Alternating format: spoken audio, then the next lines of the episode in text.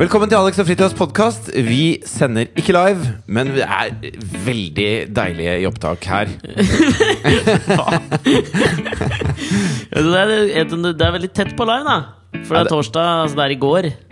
Det er bare i går, og vi har ikke så god tid. Nei. For vi er ute på opptak med et TV-program og skal møte i resepsjonen på hotellet på Sommarøy Ja. utafor Tromsø om eh, Et par timer.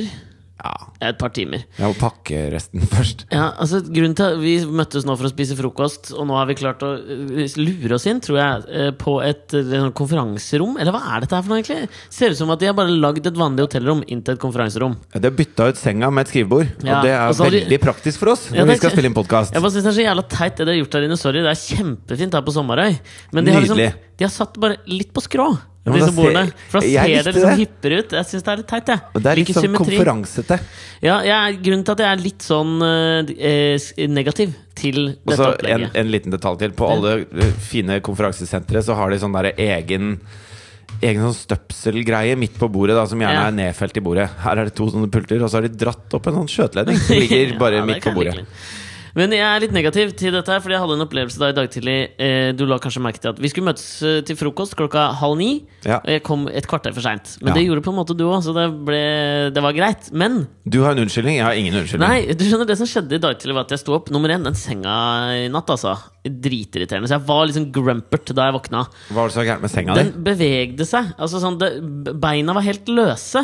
Sånn at hvis du bare snudde deg, så liksom rista den i motsatt vei. Altså Hvis jeg rulla til siden, så rista den eh, Skjønner du? Den motsatte retninga. Fy Har du faen, prøvd å vanskelig ligge forklare. stille når du sover? Ja, Eller? jeg prøver det, men du, man snur seg jo kanskje bitte litt stilling et par-tre ganger i løpet av natta. ikke sant? Ok, ja. Men Det var jo ikke poenget. Poenget var da skulle jeg gå inn i dusjen i dag tidlig. Og i, på rommet mitt også, så er det, en- da var det et slags sånn dusjkabinett hvor du kan åpne opp den ene døra som du drar bakover. ikke sant? Ja. Og der går du inn. Og så var det helt dekka. Problemet er at jeg skrur på dusjen, og så er det en løk da før meg som har, satt, han har skrudd varmen helt på maks! ja, det var det hos meg òg! Helt på maks! Og, det, og jeg skrudde kaldere og kaldere, og kaldere Og til slutt så mista jeg følelsen i fingrene som jeg prøvde å kjenne på vannet med. Det var så varmt. Ja, men altså, Problemet mitt var at jeg kom jo ikke til. For den der, altså, selve den der dusjhodet sto liksom litt pekt utover. Så jeg måtte liksom bare hoppe ut av s- hele dusjkabinettet og bare smekke igjen den døra. Og med en gang jeg åpner, så spruta det jo g- skålende varmt vann rett mot meg!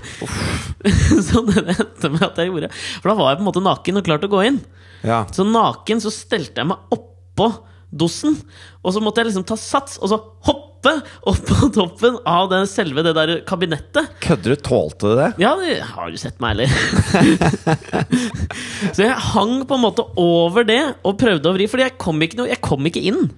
Altså, det jeg, det jeg ser for meg, er jo litt sånn derre eh, Du vet sånn når Steve-O Steve-O! Ikke si sånn akkurat idet jeg drikker en kaffeslurk. Steve-O fra Steve-O. Jackass. J-Wo, er ikke det hun fra eh, Jersey Shore? J-Wo- Kan kan du J-Wo. slutte med disse eh, se, De, Nei, der, vet du hva, de det- jeg seriene ser- der? Jersey Shore, Jo, men faen, The til og med- Hills Jeg Kan du forstår bare at slutte? Det, det, er, ko- det er kosher å referere til det når Barack Obama refererer til det. Jeg har aldri sett på det. Jeg bare vet at det er en som heter J-Wow. Altså, eh, men bare det bildet av deg på et sånt eh, tynn, en tynn dusjvegg, Mhm. nakne hoppende fra toalettskålen Nakne! Nakne hoppende ned mot eh, skruedingsen. For Ja. altså, eh, veldig. Men jeg hadde en lignende opplevelse på et hotellrom i Tyskland, i eh, Rock... eh, st- eh, jeg husker ikke hva det heter. Rockheim. Rockstadt? Nei, det var en sånn liten Rockstadt, er det der det kommer alltid? Fordi jeg synes alltid det er Jeg har bestemt meg det i er dag veldig ofte at jeg kan fortelle historier. Eh, Ikke med Alexander i dag. Jeg hadde bestemt meg litt nå for at i dag Så jeg er inn, innfallenes dag Ok, Men greit? det er veldig ofte at det lønner seg å vente til hva historien handler jo, om. men nå kom jeg på en ting akkurat om det du sa Ok. Og det er alltid når man reiser Den rundt heter i ikke Norge Rockstadt engang. Så- ok, men du har en assosiasjon til et Ja, bynavn som er Rockstadt. feil bynavn. Ja, Hvilken by i Norge er det egentlig som er Rock City? For jeg synes liksom alltid når man reiser inn Hvis man reiser på tur med noen Så er det alltid en douchebag som sier Åja, skal vi til eh, St Stadhelle? Stadhelle Rock City! Ikke det at det er en city engang, men skjønner du? Jeg trodde det var Narvi, eh, Namsos Ja, men det er jo eh, Altså, det er ironi. Når man sier ja, vi skal til Ørsta Å, Ørsta Rock City. Mm. Det er ironi på at det er ikke Rock City. Selvfølgelig, Det er ingen bygd i Norge som er det. Er det ikke? Nei, det er ikke det. Så jævlig skuffende. Altså, det- kanskje det er Austin, da. Austin, Texas. Ja, det er vel Austin, Rock kanskje City. Rock City. Ja, Ja.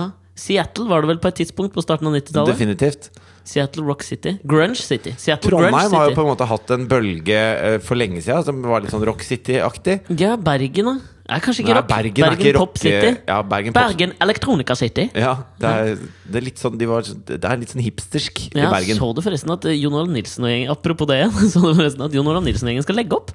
Det, da tenkte jeg at du, det var en sånn gladnyhet til deg. Du har aldri likt det bandet der.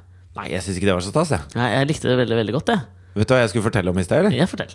At, Så du eh, var på et hotellrom. Ja, jeg var og spilte med Madcon, og så var det sånn Altså, i Tyskland, når de har sånne fete hoteller Får ikke noen fetere hoteller enn i Tyskland når det er fete hoteller. Og det gjør du, ass! Nei, har du vært på et Har du hørt om skikkelig Dubai, fett- eller? Jo, men altså Det blir sånn derre Puff Daddy-fett. Sånn derre hvor alt er gull, og det er, Ja. det er, det er så tacky, da. Ja, eh, og nu- ekkelt. Nouveau Rish, mens Tyskland er litt mer sånn det er gamle penger. Ja, Tyskland er classy, liksom. Det er, di- det er dritfett, og det er design, og det er, det er liksom eh, Ja, det det er bare Du får helt Jeg fikk helt sjokk jeg, da Det er jeg kom første gang inn. jeg har hørt Tyskland beskrevet som liksom jeg vet ikke, Som en slags sånn estetisk nytelse. Jeg tenker Ja, men alltid tenk deg alle de tingene de produserer i er Tyskland. sant, det er altså, til Audi, BMW. Merce, BMW. Altså, det, er, det ser i hvert fall dritbra ut, liksom. og det Apropos funker. Audi.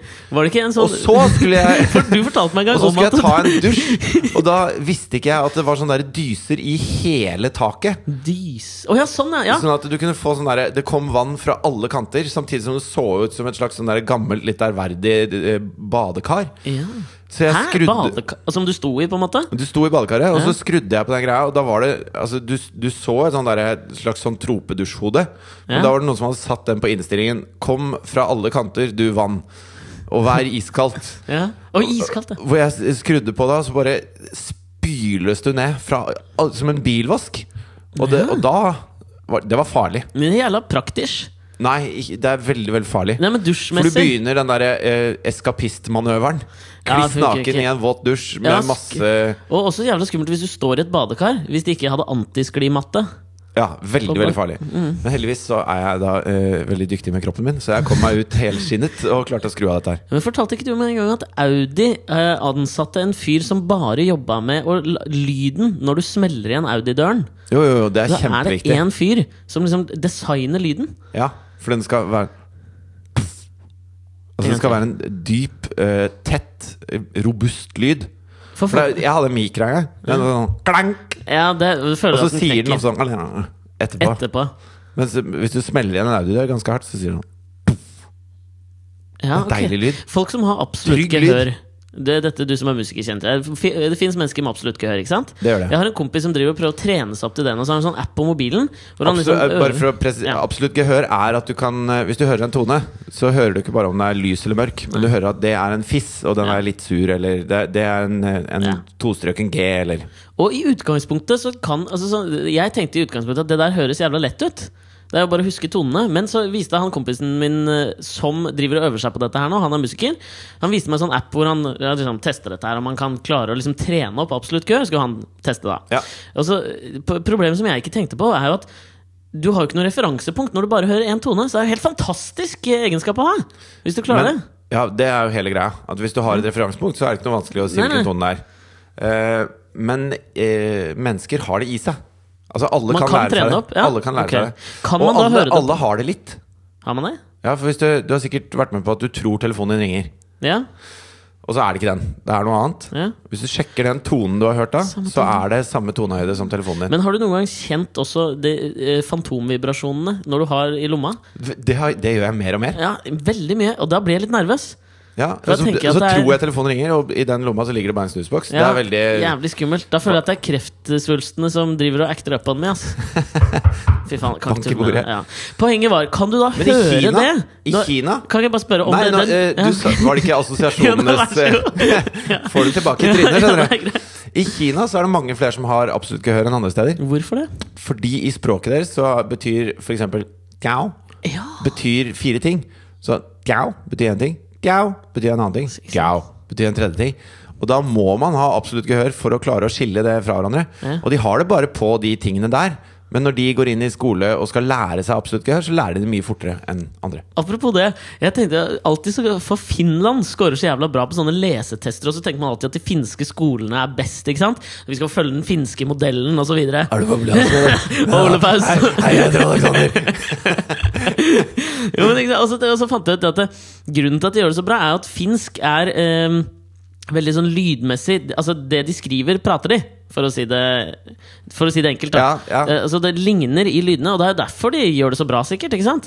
Litt det samme som eh, grunnen til at eh, asiater er så jævla gode i matte, er at de begynner med matte når de er eh, 18 måneder. Ja, men jeg, t- altså, når, de, når Finland scorer veldig bra på sånne skolegreier, så er det ikke fordi de klarer å skrive finsk. Nei, men Altså, er det, lettere- klarer de fleste i alle land. Klarer å skrive sitt eget morsmål. Men det er lettere å lese, eh, Fordi det, tar, det er jo leseprøver på disse nasjonale prøvene som, som vi sammenligner landene mellom òg, ikke sant? Da burde jo Island score aller best. De skriver jo akkurat sånn ja, som de sier Island det. òg. Ja. ja, kanskje. Men eh, nå var det eksempelet Finland. Poenget var da Den der døra som du smeller igjen, er det en tone på den som folk med absolutt gehør kan høre? Ja, det vil nok være en tone, men den er så Den er veldig kort, da. Ja. Det er en basstone, liksom? Hvis døra hadde sagt det, hadde jeg blitt stressa. Ja. Har du absolutt gehør, eller? Nei, ikke i det hele tatt. Velkommen til Alex og Fritjofs podkast.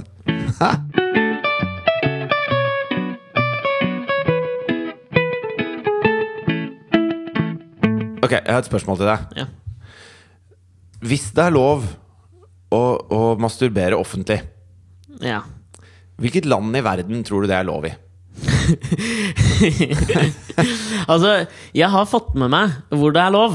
Å, du har lest saken? Jeg har lest eh, denne saken. Men Ok. la, for the sake of the argument, så er det definitivt ikke det landet jeg hadde gjetta på. Når Nei. spørsmålet da kommer Ikke sant? Fordi Hvis jeg skulle tenkt meg et land det var lov å masturbere offentlig, så hadde jeg nok gått for et av de landene som er kjent for sexturisme. Det vil si at jeg hadde enten gjetta Gambia eller Thailand. Ja, men der er jo reglene ganske strenge. De bare driter i reglene. Her er det jo nedfelt i regelverket at det er lov å, å masturbere offentlig. Ja, ok da, eh, Vet du Eller hva? det er, det er en rettssak som har satt presedens, da. ja. jeg, jeg tror Men dette blir jo en dum lek, siden du vet svaret. Nei, men vet du, jeg, jeg skal, en, ting, en ting jeg kunne også trodd, var at et sånt eh, len eh, i Nord-Tyskland Der kunne de fort eh, tillatt det. Jeg tenkte også Ja. på, på bygda i Tyskland. Ikke sant? Ja. Hoffen, Hoffenheim Rock City. Shit, shit. Jeg vet ikke hva- Er det der han Steve Wow kommer fra? ja. Og Sean Connery. Shit on meg. Nei, men det er, var- altså, ja. det er altså i Sverige. ja, det er helt utrolig! Så er det en fyr som, som sto og onanerte ute i havet. Ja. Og så Ve- Minner meg veldig om scenen fra Elling. Filmen basert på boken av Yngvar, Yngvar Ambjørnsen, hvor Elling da er på sydentur med sin mor. Og så, eh, da han ligger på stranda i Syden Jeg vet da faen, Las Palmas, da. Ja. For, ja. Syden, er et, altså, syden kan vi bruke, vi nordmenn. Syden er et land. et sted. Ja. Eh, hvor han, eh, se- da er det noen som sol- soler seg toppløse, og så kjenner han at han får ereksjon. Og det eh, skjønner ikke Elling hver, så han går da ut i vannet og står der og kommer ikke inn igjen. Nei. Det han svensken i tillegg gjorde da, var å runke ned ereksjonen sin. Hva- Ikke sant? Å, ja. Han gjorde Det fikk jeg Elling, ikke men med han meg. runka den ja, I tillegg til bare Han besto ikke bare der. Så det var ikke en ejakulatorisk opplevelse for han? Jo, det, det var det jo mest sannsynlig. Altså Det det minner meg om, er jo denne kebabrunkeren i Bergen som det var så mye skriverier om, som alle trodde var Kurt Nilsen. Kebab Altså to- han som onanerte på Torgallmenningen, ja. Ja, Ja. I en kebab. ja. Var det i en kebab, ja? Det var i en, ke i en Ja, kebab. var det det? Ja! Det Eh, har jo gått, gikk jo veldig veldig mange rykter på starten av 2000-tallet, kanskje slutten av 90-tallet, i Oslo om at dronningens kebab, der var det runk i den hvite sausen. Nei, ikke runk. Runk er en handling. Ja, ok, ok. Køm, da. I den hvite sausen. Det er et engelsk ord. Ja, eh, sæd, da. Ja, det stemmer. Ærlig, jeg brukte lang tid på å huske hva Ja. det het på norsk. Jeg. Eh, eh, men i hvert fall eh, det- Men poenget er altså det vi kan si, Fordi at det har jo aldri kommet ut hvem denne onanisten på Torgallmenningen i Bergen var. Nei, Ikke det at jeg sto skal- bare eh, eh, 'artist fra Bergen'. ja, ikke sant? Veldig, veldig Altså, det, det mistenkeliggjør veldig mange.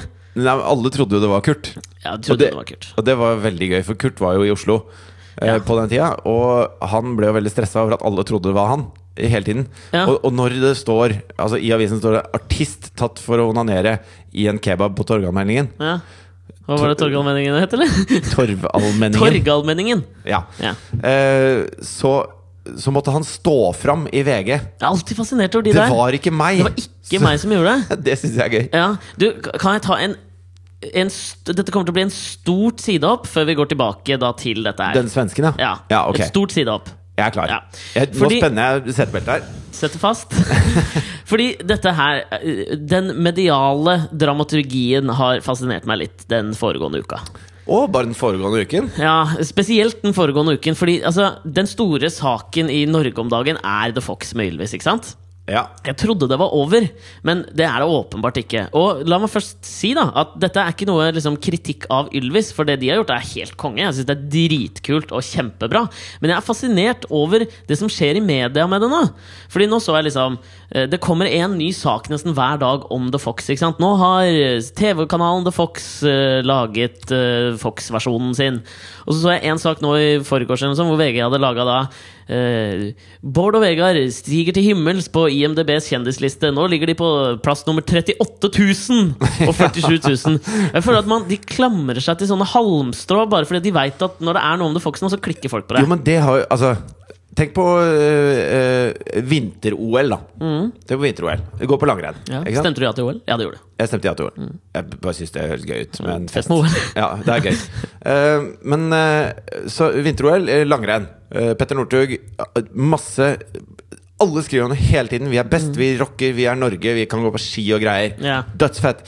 Og så Hvis du ser på hvor mange mennesker i verden som egentlig driver med langrenn, så er det jo det er er få, så ass. marginalt. Altså Hvis vi hadde gjort det bra i dart, så hadde det vært eh, gjort større impact på verdensbasis. Ja, til og med skiskyting er større enn langrenn på verdensbasis. Ja, Hvilket jo eh, sier noe om langrennsskiene. da Folk liker at du skyter, er ikke så begeistra for å gå på ski. Du kan gå på rollerblades og skyte. Bare det er skyting. ikke sant? Ja, ja. Men så er det da eh, dette med å, å få til noe som, eh, som virkelig treffer på verdensbasis, da. Ja. Og det har jo Ylvis gjort. ja, de har det. Sånn at eh, man bør ikke klage over hvor mye de skriver om Ylvis, når Ylvis liksom klarer å markere seg med en musikkvideo de har laget sjøl, som er en tullelåt i tillegg. eh, som for øvrig låter veldig bra. Den låter jo veldig mye bedre enn veldig mye av den popmusikken som, som lages, da. Og Ja. er mer catchy, men det er en tullelåt. Like Ja. fordømt. Eh, og da, da syns jeg ikke man kan skrive nok om det. Jeg syns det er dritfett jeg, at, eh, at Norge Ja, jeg er helt enig. Hør, da! Jeg blir liksom sånn, eh, sånn Norge-tilhenger av at de to gutta får tjening. Men jeg Ja. syns det er litt gøy. Jo, men jeg er enig, men jeg føler selv om man øh, vil det, så kan man jo sette et visst krav til innholdet i sakene. Det er jeg enig i. Ja, sånn at øh, Jeg syns ikke det holder at de kom på 100.000.-plass på IMDbs liste. Så jeg har tenkt litt på Altså, nå skal jeg s- f- Jeg har to elementer her. og Jeg tenkte jeg kan først s- jeg kommer til- Nå skal jeg spå hva de neste sakene blir. Kan du ikke heller foreslå innhold til en bedre sak? Ja, men det er det. Ja, nå skal jeg, ja, jeg kommer med det òg. Ok. Men først fordi nå, er, det- nå ble det lagt ut her at Ylvis har reist til LA for at de skal være med på Ellen DeGeneres show. Ja. Og d- der også eh, skal jeg ta en, en liten pause i akkurat det. Fordi Jarle Bernhoft var på Ellen DeGeneres. Han har vært på Conan O'Brien, fått megalite oppmerksomhet. Som i utgangspunktet er nesten jeg synes det nesten er en større prestasjon av han. For han lager på en måte ordentlig i Gåstein musikk. Og Ja. det, nåløyet der er trangere enn å ta inn den der kuriosa-saken i talkshow, ikke sant? som det Ylvis nå er. ja og, og Colin O'Brien er jo større enn Ellen De- DeGeneres. Ja, ja, kanskje han er det? Er han ikke det? Ellen har fire millioner seere, eh, og hun sender vel daglig, eller sånn fire dager i uka? eller noe sånt? Ja, men i USA Altså, I USA så bor det 260 millioner mennesker. Ja. Eh, hvis et norsk program gjør det skikkelig dårlig, så har vi eh, så, Altså, på f- Fem eller Bliss eller Ja, en av disse 30 000, kanalene. 20 000. 30 000-40 000. Ja. Så eh, 40 000 da, si at det er, eh, det er 1 av ja, norsk befolkning. ja. Hvor mye er 4 millioner av 260 Nei, smatte. Jo, men det er, det er liksom halvannen prosent. Ja.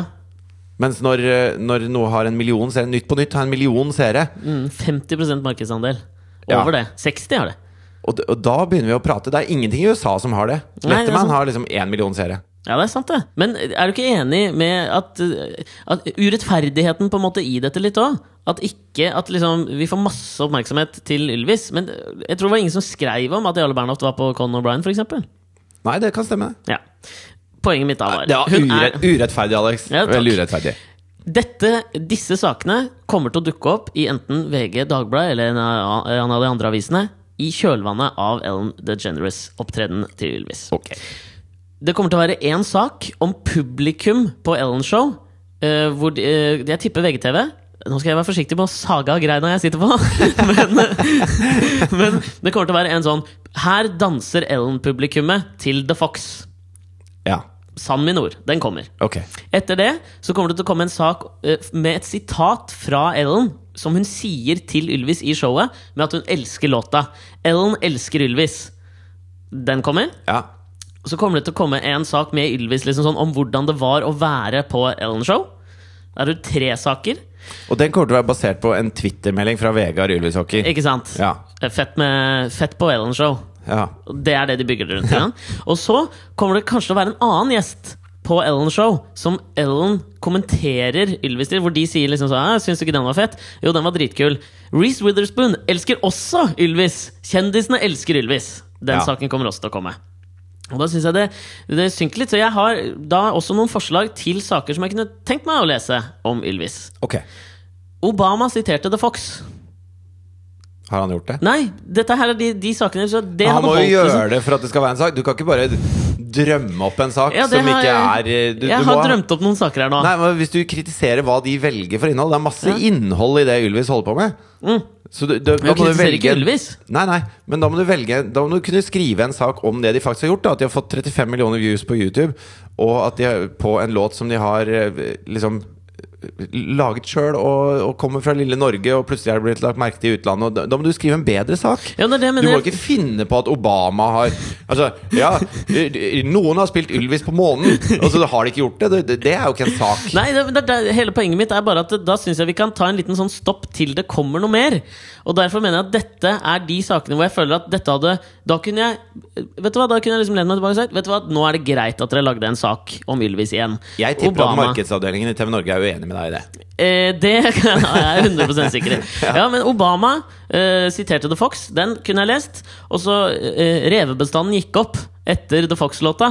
Ja, den kunne jeg også lest. Og så eh, den som jeg sikkert hadde klikka på også, og den tror jeg faktisk også kommer. Hver gang vi møtes, artistene lagde The Fox-medley. Åh. Ikke sant? Det er også en sånn perfekt stormsak. Er Alexander Rybak med på Hver gang vi møtes nå? Ja, han er det. Har ikke han bare én låt? Jo, det er det jeg er alltid sånn fascinert Og så over. skal, skal alle spille Fairytale, da? Eh, Nei, men Han har jo den også, hvor, han var, hvor jeg så en sånn video hvor han eh, skrev til hun fanen, hun tyske Jo, men det er jo fanen sin. ingen andre som har hørt noen av de andre låtene hans. Nei, det er for så vidt ikke det. Men Nynn det en, låt, nynn en annen låt med Rybak.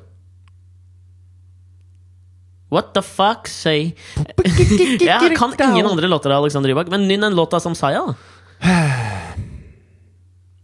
Vi snakker om noe annet, da. Ja, det er greit. du var på vei et sted, da. Da har jeg avbrøt deg. Vi snakka om den svenske onanisten. Ja, Han, ja!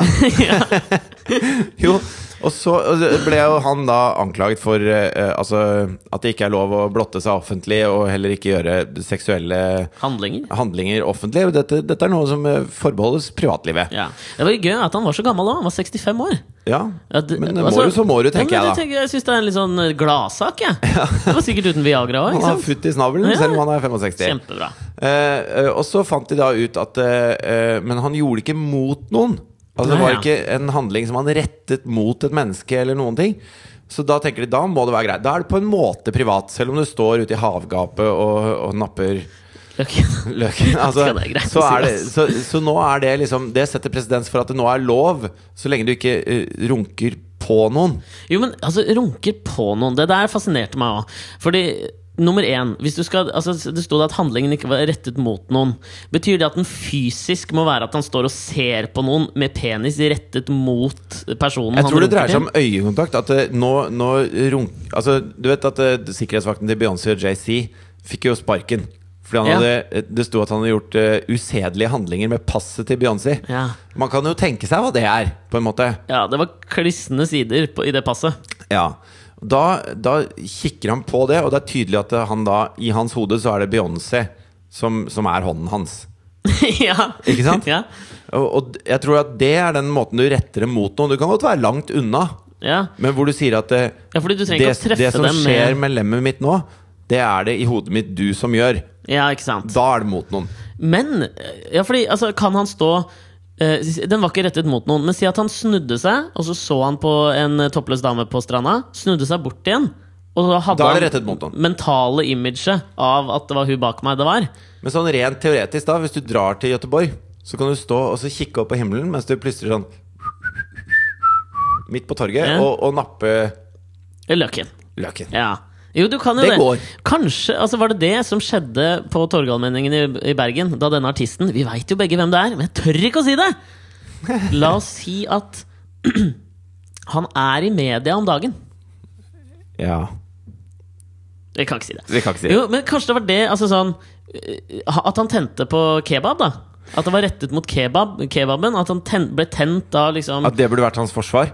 Ja, Ja, at det var, det var ikke, Dette var ikke en seksuell handling. Jeg er bare veldig veldig glad i mat. jeg elsker mat. Junkfood. Jeg elsker junkfood. Og så, men, men det som var- er rart, da, det var at det var jo en i Sverige, i samme land, som ble dømt for å ha sex med sykler. Ja, The bi Bicycle Fucker, så jeg bare et eller annet sted på nettet. Ja, Hva var det for eh, noe? Nei, altså Han har hatt sex med et tyvetalls eh, sykler, da, spesielt én sykkel som eh, nabogutten hadde, som han likte veldig godt. Og det Han gjør da, er at han tar med en kniv, og så stikker han hull i slangen. Og så rukker han over det hullet mens det, mens det flommer sånn luft ut, og så, mens han kjærtegner setet. Så han, han hadde gjort dette dødsmye da, med den sykkelen til nabo, naboen. Til slutt så ble naboen drittlei, så han festa et kamera utafor. Og bare filma hele natta. Og han kom, vet du! Bo- I dobbel forstand? I dobbelt forstand. Ja. Han kom og hadde sex med sykkelen til guttungen. What the fuck? Men jeg tror det er sånn at det- fordi Hvis den er rettet mot noen Det er jo mange mennesker som tror si- Märtha tror sikkert på det. ikke sant? At eh, skjer altså at hvis, Sånn som jeg bruker denne mikrofonen foran meg mye. At, min, at noe av meg går over i dette denne, d- på en eller annen måte døde legemet her.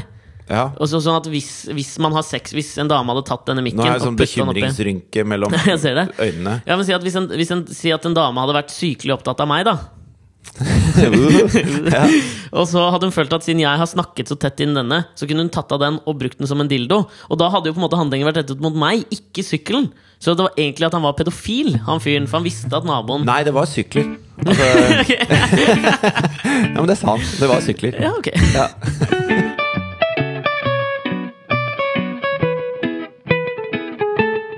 Men det er jo ikke så tu Altså Er runking veldig truende? Ja, det kan kanskje være det. Ja, jeg syns runking jeg, tror, jeg hadde en opplevelse som, eh, som Det er mye barn. mer truende altså, Sånn som i US, Jeg liker at i du lot- USA, lot- da. lot den gå. Ja, jeg bare tenker, tenker høyt her nå. Ja. Men i USA så er det jo Der er jo alt sånn seksuelt offentlig veldig, veldig truende. Det regnes som veldig truende. Ja. Altså Hvis du ikke har sko De de har jo sånn skilt overalt. No shoes, no service.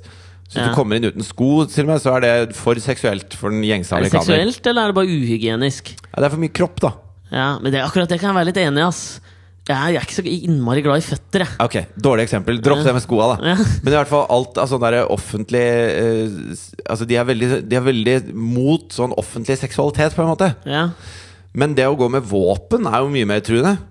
Ja, ja. Og det gjør de jo eh, gla I Iowa for eksempel, så er det jo til og med lov at blinde får lov til å gå med våpen. Nei, Dette her syns jeg er helt Det er jo sjukt. helt fantastisk. De sier at det, selv, om, selv om disse er, har eh, hva, hva er det man kaller det? Dis disablements? Eller Disabilities. disabilities? Ja, ja. Altså, de er jo ikke funksjonshemmede Jo, de er er- de er funksjonshemmede når de er definitivt blinde. funksjonshemmede Ja, når de det er er blinde. funksjon eh, som er Ja, hemmet ja. der. Så, så man, kan ikke, man kan ikke lage egne regler på basis av funksjonshemming, sier de. Så Derfor må blinde også få lov til å gå med våpen. Ja. Noe som jo er eh, Desto, det er, jo- våpen er livsfarlig i utgangspunktet, men hvis en blind person har et våpen, Ja. det er jo kjempefarlig. Ja, det er ikke noe Det er liksom sånn Det, er for, jeg synes det blir for teit, Det er ut nesten. av denne verden å diskutere. farlig. Altså, jeg vokste opp med en blind fyr, jeg. Da jeg var, fra jeg var f- fire til jeg var 17, så bodde jeg sammen med min onkel. Ikke bare han som var blind, da, men han var broren til mutter'n. Vi bodde sammen med han. Ja. Han var blind. Han skulle, altså, jeg kan bare skrive under på dette her. Altså, den fyren skulle jo faen meg Han skulle aldri hatt et våpen. Han rota seg jo bort overalt.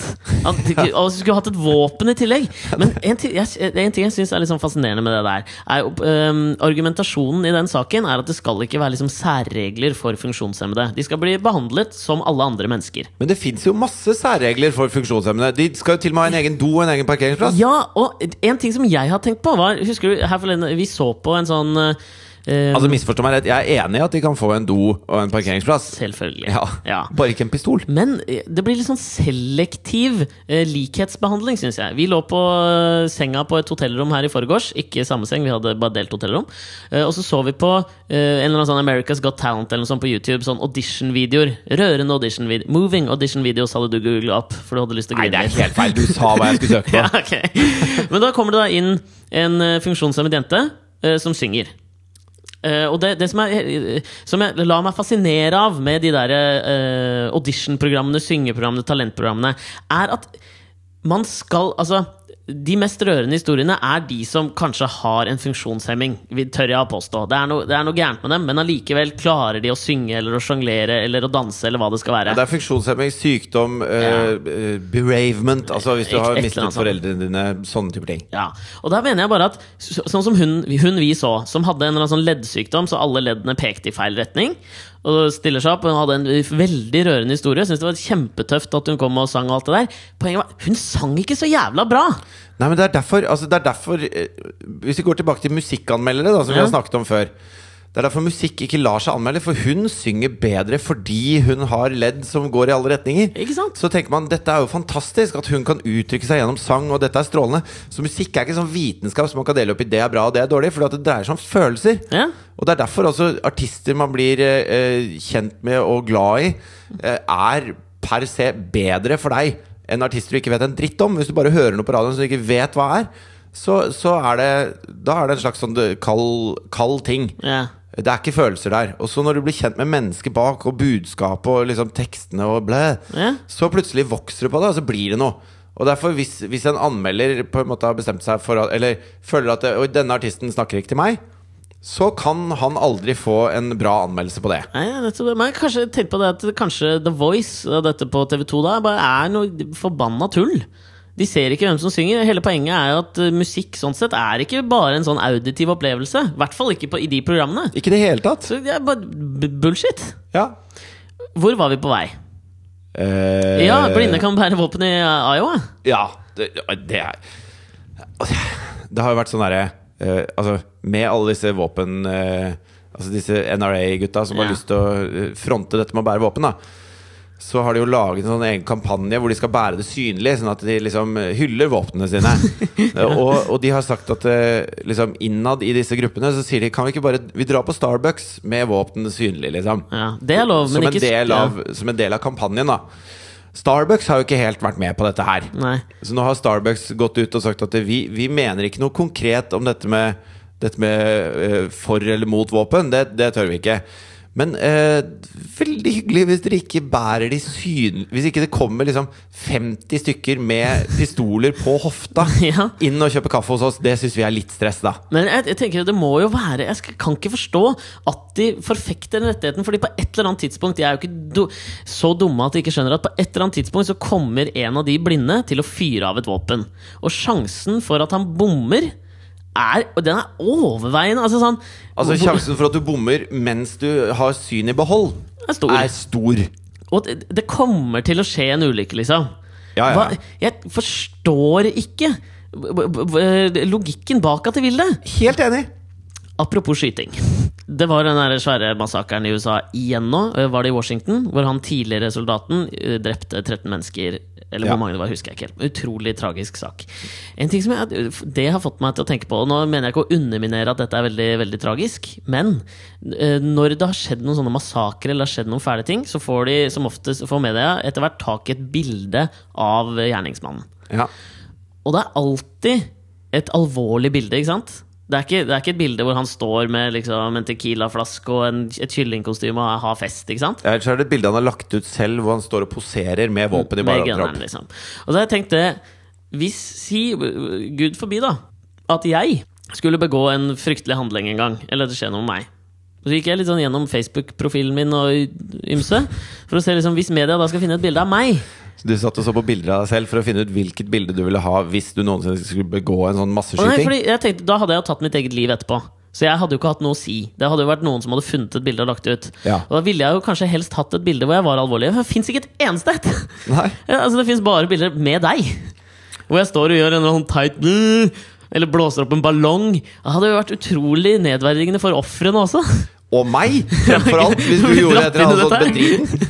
Jeg tror fram til du har et ordentlig mugshot av deg selv, så får du ikke lov til å gjøre noe Det sånt. er greit.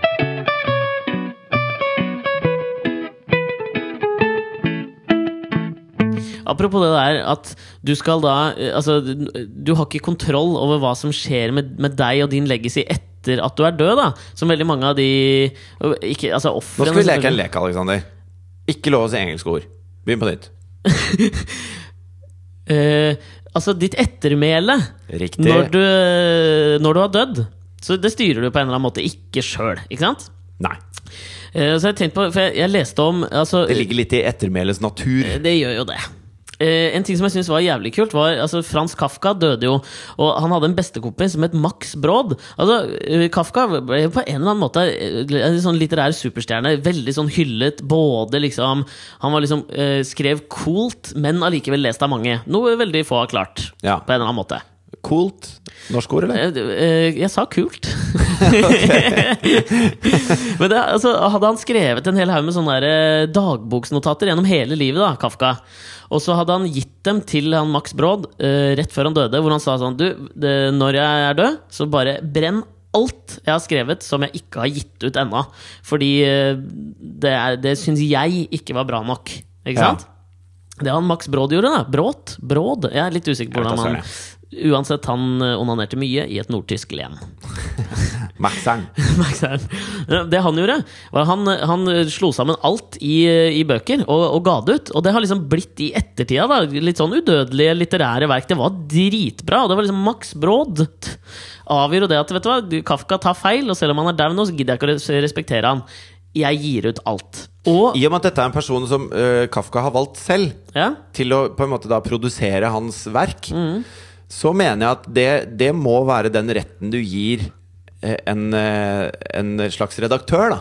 ja, det er kanskje det. Altså Hvis du sier at dette, 'dette vil jeg at du skal gjøre for meg', så, må, så sier du da på en måte at dette, 'nå blir dette ditt ansvar', at dette blir bra. Og Ja. da må du gi noe beslutningsmyndighet til det mennesket. Så jeg syns det er helt Jo, innafor. men Det han hadde spesifikt sagt, var liksom 'brenn det'. Ja, det tror jeg den, Akkurat den tror jeg alle i en kunstnerisk prosess gjennomgår. Ja, hvor de ja. begynner å tvile på sitt eget verk, og så kommer det da inn en redaktør, produsent, et eller annet som sier at det, 'nei, stopp nå'. Dette, dette blir fint, liksom. Ja, ikke sant? Dette blir bra. Slapp av, kamerat. Jeg så en sak om Ylvis her forleden dag, selvfølgelig, hvor de hadde sagt at da de starta med revy, ville de ikke vise det til vennene sine engang. Det var tvilsprosessen deres. Ikke sant? Kom tidlig. Og så er de på L-en nå! Og sirkelen er sluttet. Ja, men jeg vet ikke, faen, jeg, bare- jeg er litt sånn usikker på om det er, er greit. Altså, Jeg støtter jo at han ga det ut, men han har fått en helt tydelig beskjed. Altså, hvis eh, Si at du hadde gitt meg Ta den rettigheten der Breivik-boka nå, da. Det er Ja, ikke akkurat det sant? samme. Marit Akkurat det samme. Christensen, Moskva-Marit. Ja, Skriv en bok om moren til Anders Behring Breivik. Ja. Og har jobbet tett sammen med moren til Anders Behring Breivik i over et år. Ja. Og så, eh, rett før hun dør, så sier moren at 'dette her vil jeg ikke ha'. Nei. Glem det, brenn det. Ja. Og så dør hun. ja. Hva gjør man da? Ja, det er usikker, altså. Fordi det er jo liksom sånn rett før du dør. Så, ikke sant? Jeg ville nok ikke stolt på mennesker rett før de døde, hvis du skjønner hva jeg mener? Nei, de er i en, eh, en annen tilstand da. Ja. Du, du er sikkert du er redd Du tenker Jeg veldig tror- mye på ditt ettermæle. på ettermælet, men samtidig altså, Men hvordan i helvete kan det ettermælet bli verre? var akkurat det jeg tenkte. Altså, det må jo, altså, jeg tenker sånn For Marit Christensens del så er det jo med- Hun vil jo måtte for å komme med noe nytt til bordet i denne saken, så må hun på en eller annen måte prøve å forklare ting gjennom mora. Det kan ikke bli noe verre enn det som har kommet ut allerede. Overhodet ikke. Så den boka skal ut, altså. Ja, Ja, men Da var den Kafka-boka riktig òg, da. ja og, eh, helt greit.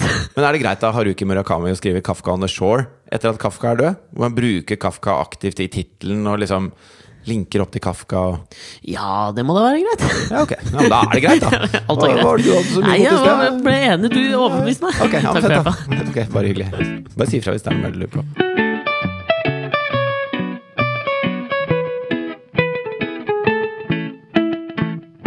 Jeg hadde en sånn periode når jeg var sånn eh, 17-18 hvor jeg ble sånn opphengt Jeg syntes sånne konspirasjonsteorier var litt gøy. Ja. Ikke at jeg trodde så veldig på det, men Er det, jeg tror alle går gjennom det på samme måte som alle går gjennom tvilen når man dør. Ja, ikke sant. Ja. Eh, det var veldig stort av deg å si det. Ja, sånn er det. Men i hvert fall, altså, disse, disse konspirasjonsteoriene har liksom eh, noen Altså, de evner å tenke utafor boksen, og det liker jeg. Ja, Selv om jeg ikke tror på det de sier nødvendigvis. ja. Apropos utafor boksen. Utenfor boksen. For Det er generiske tegnet på sånn det kjipe reklamebyrået. Jeg, føler jeg har en st- litt sånn antipatier mot reklamebransjen innimellom. Og jeg føler at liksom Jeg tror jeg så det på en eller annen sånn SNL-sketsj eller noe sånt, Saturday Night Live-sketsj eller et eller annet, hvor eh, symbolet på at du jobber i et kjipt reklamebyrå, er hvis de, de tegner opp en boks, hvis det er på veggen, da. Sånn som mange mennesker har hjemme, sånn Home, Hope, eh, Hug is a great gift, altså sånne kjipe dritt på veggen. Og på reklamebransjeekvivalenten er at de har tegnet opp en boks på veggen, og l- eh, langt på, på den andre siden av veggen så har de tegnet opp en prikk, og så sier de 'Vi vil være her'. prikken, ikke sant? Ja. Som en slags sånn derre spoof, ja, jeg sa et engelsk ord, på det derre kartet når du er på storsenteret. Du er her-greie, skjønner du? Jeg skjønner. Eh, eh, Konspirasjonsteori. ja, sånn var det der. Men, men, i det- men nå eh, nå tror jeg faktisk jeg har laget min egen konspirasjonsteori, som jeg eh, tror litt på. Litt sånn som Mel Gibson i den der conspiracy theory med Julia Roberts. Jeg vet ikke, jeg har ikke sett den filmen. Men Det eh, er ganske bra film, altså. altså, det var jo Han er, blir sånn paranoid Nå! schizofren. Jeg Føler du at du er på, i ferd med å bli, bli det? Nei, men jeg føler at det, det er, altså, Nå skal jeg fortelle deg noe. Ja. Dette er viktig. Hold munn. Ja. Altså, hvis vi skal ha innhold i denne podkasten, Ja. så er vi nødt til å komme til innholdet ja, men vi gjør det. før vi begynner å, å, å assosiere. For ellers så har vi Ellers kan jeg bare si eh, 'lampe med tre bein'. Ja, det minner meg om bla, bla, bla! Og så, og så har vi liksom ikke innhold. Ja, vet du, apropos lampe med drebein, en av de beste vitsene i en film noensinne. Eh, Når, når han eh, s- i Anchorman, eh, hvor Steve Carell er så dum. eh, I Love Lamp, som har kommet på T-skjorter. Noen ganger er veien målet, tenker jeg. Litt veldig buddhistisk på en eller annen, på en eller annen måte der, kanskje. Konspirasjonsteorier. Ja, det er min tur, ja. Ja, vær så god. Ok. Eh, altså, litt av essensen i en konspirasjonsteori Apropos essens. er at du må høre hva det er. Ja. Så nå må jeg fortelle deg det. Ja. For jeg, jeg tenker sånn Det var veldig mye skriverier om Edward Snowden. ja. Og det lagde internasjonale ringvirkninger, fordi andre land plutselig så at, eh, at USA spionerte på dem og deres statsledere og leste personlig korrespondanse. Og det var masse, altså, dette er et vepsebol, da. ja. Se for deg Konflikten i Syria har pågått eh, i halvannet til to år, ja. og eh, folk dør som fluer. Mm. Plutselig blir det viktigste i hele verden hvorvidt USA skal bombe Syria. Ja. Og de prøver da å få med seg andre statsmakter på dette her. ja. Er det en sånn klassisk sånn Wag the Dog, eh, Jeg Jack tenkte Nicholson, Borgen, nå gjør vi de Jack Nicholson? Han var mer Wag the Dog. Nei, det var Dustin Hoffman, og øh, var det ikke eh, Robert Det var i hvert fall Dustin Hoffman som spilte presidenten. Ok, Ja. greit. Samme Wag the det. Dog. Poenget i Wag the Dog er jo at det skjer noe fuck up i USA. Jeg husker ikke akkurat hva det var. Og så uh, finner de på en krig, så de ansetter en Hollywood-regissør som skal liksom finne på en krig som USA vinner. Ja, altså De fabrikkerer en krig. og Litt så- sånn som skjedde egentlig med Falklandskrigene. For da gikk det jævla ræva i Argentina, det gikk jævlig ræva i England. Så fant de ut bare sånn, vet du hva, eh, vi kan få oppmerksomhet bort fra dette ved å bare angripe eh, det var jo Falklandsøyene. Thatcher som satte i gang, som satte i Ikke gang det. sant? Det var hennes Wag the Dog. Ja, ja. Men er, er hele den eh, derre saringass-opplegget eh, Er det en svær Wag the Dog? Tror du de hadde gjort det hvis det ikke hadde vært for Snowden og de, de, de lekkasjene han kom med? Det kan det godt være. Fordi det, det jeg tenker, Plutselig så kom jeg på dette med Snowden igjen, nå når hun argentinske eh, presidenten skulle møte Obama, som er det eneste statsbesøket Obama har planlagt. Og så sa hun jeg er ikke så keen på det, fordi du har drevet og lest min personlige mail og hørt på mine samtaler og tydelig spionert på meg, så jeg tror vi venter til vi har funnet ut av dette her. Ja. Da plutselig kom den greia opp på bordet igjen. Ja, Og faen. så var det jo å fjerne fokus fra Russland, at Russland plutselig støtter opp om Edward Snowden. Og det skaper en jævlig eh, tricky sånn eh, diplomatisk eh, greie for Vanskelig, USA. tror da jeg du mener litt vrien. Vrien, ja. Unnskyld, tricky. Eh, Men det var jo Obama eh, avlyste vel besøket sitt med Putin fordi de hadde sagt vi åpner for å gi Snowden asyl. Så han fikk jo på en måte smake sin egen medisin der. Eh, Ja. Eh, Da, jeg husker ikke navnet på hun i Argentina. Rousseff? Ja, det kan Dal godt Delma være. Rousseff? Rosie Perez tenker jeg alltid på. Jeg vet Nei, det er ikke ikke hvorfor det. Hun som spilte kjæresten til Woody Harroldson i mm, White Man Can't Jump. Hun er ikke president i Argentina. Nei, hun hadde gjort seg bra som president. Ja, kanskje. Tydelig dame. Snakker veldig fort. Ja. Alltid vært kjent for. Eh, Du, eh, det kan godt være at det er det, men for jeg- det- på en eller annen måte så, ikke sant? Da Obama tok over som president, så var det veldig mange komikere som sa at ikke sant, det, var veldig, det var døden for, for komikk. Ikke sant? Fordi at det, det var veldig vanskelig å hate på Obama, i likhet sånn, sånn som det var med Bush. Ikke sant? Ja. Og det- eh, På akkurat samme måte som norske komikere nå sier at nå blir det bonanza når Frp skal inn i ikke regjering. sant? Veldig bra for komikerne, veldig dårlig for eh, kommentarfeltene, tror jeg. Ja. Kommentarfeltene dør, som kanskje er like greit. Men, og der, jeg føler at Den holder jeg litt ved fortsatt. At jeg klar, selv om jeg anerkjenner at eh, Obama har jo vridd seg litt bort fra den der 'hope we can do this, yes we can'-greia som han starta med i fra 2008, at jeg fortsatt ikke klarer å mistenke han for å gjøre lyssky virksomhet. Men du vet hva, hva de sa på slutten På slutten av The Usual Suspects? Har du sett den? Ja.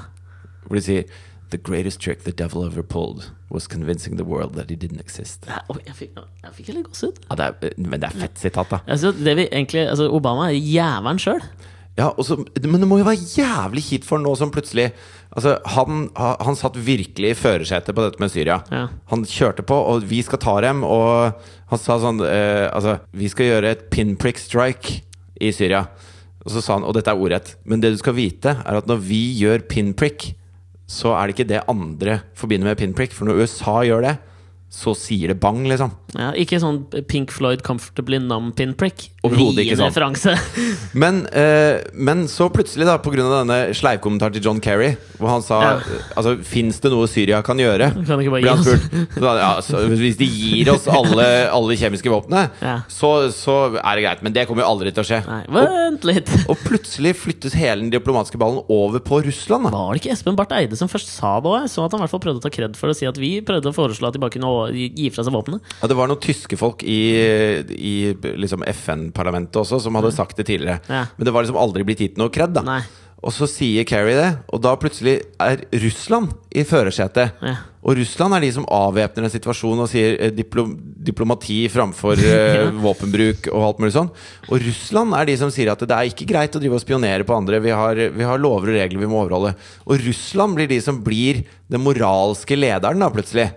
Vi, ja, faen og, og da tenker du at Og da der sitter kom Obama inn, der Ja. og bare Hva faen skjedde med den Wag the Dog-greia vår, hvor vi Mm. skulle få Russland til ikke å virke som den snille, som tar inn eh, Snowden, som viser hvor mye drit vi gjør? Altså alt backfire, på en måte. Ja. Oi, hva var det vi s- ikke skulle snakke engelsk? Alt, alt skyter deg tilbake i bakhuet. Jo, men altså sånn, det, det du ser for deg, er på en Alt måte at blir en befruktet kebab på Torgallmenningen. Det du ser for deg, er at Tenker du at de liksom har ansatt eh, et av Obama de står der 'Jeg runket ikke mot noen!' Jeg runket ikke Nei, mot jeg var noen rett ned. Ja, tenker du at, de har, at Obama gikk til en av de store liksom, eh, Don Draper-aktige reklamefirmaene, Mogulene. mogulene, på Madison Avenue og sa liksom, vet du hva? Eh, Vi har et stort problem her nå. Vi må bo- vri hele verdens, eh, verden opini, verdensopinionens oppmerksomhet bort fra akkurat dette. Ja. Og så har det, liksom reklamekampanjen eh, Altså Noen feilslått. spinndoktorer har sittet der og sagt at det, Ok, eh, Syria er jo et optimalt mål, Ja. men vi, vi kan ikke gå inn der og si at eh, nå har vi driti i det så lenge, men plutselig gjør vi noe. For Nei, det ikke blir sant? for tydelig. Men her lurer jeg på om de har gjort et eller annet annet. Og vi kan være, bli kjempesure for det andre. Vi kan drite i de millionene som har dødd allerede, men b- bare det andre der, det må vi ta. Ja, men Mener du at det ligger noe under her som vi ennå ikke har oppdaget? på en måte? Altså Jeg mener jo at den, den konflikten i Syria begynner å bli ekstremt vanskelig, i og med at nå ser det ut som det er Jeg har ikke sjans til å skjønne hvem som er slem!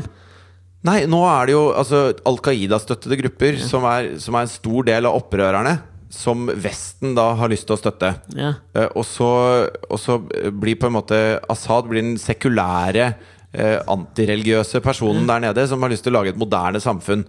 Eh, bare det at han er a murdering fuckhole, da, selvfølgelig. Ja. At, han, at, han driver, at han er en diktator.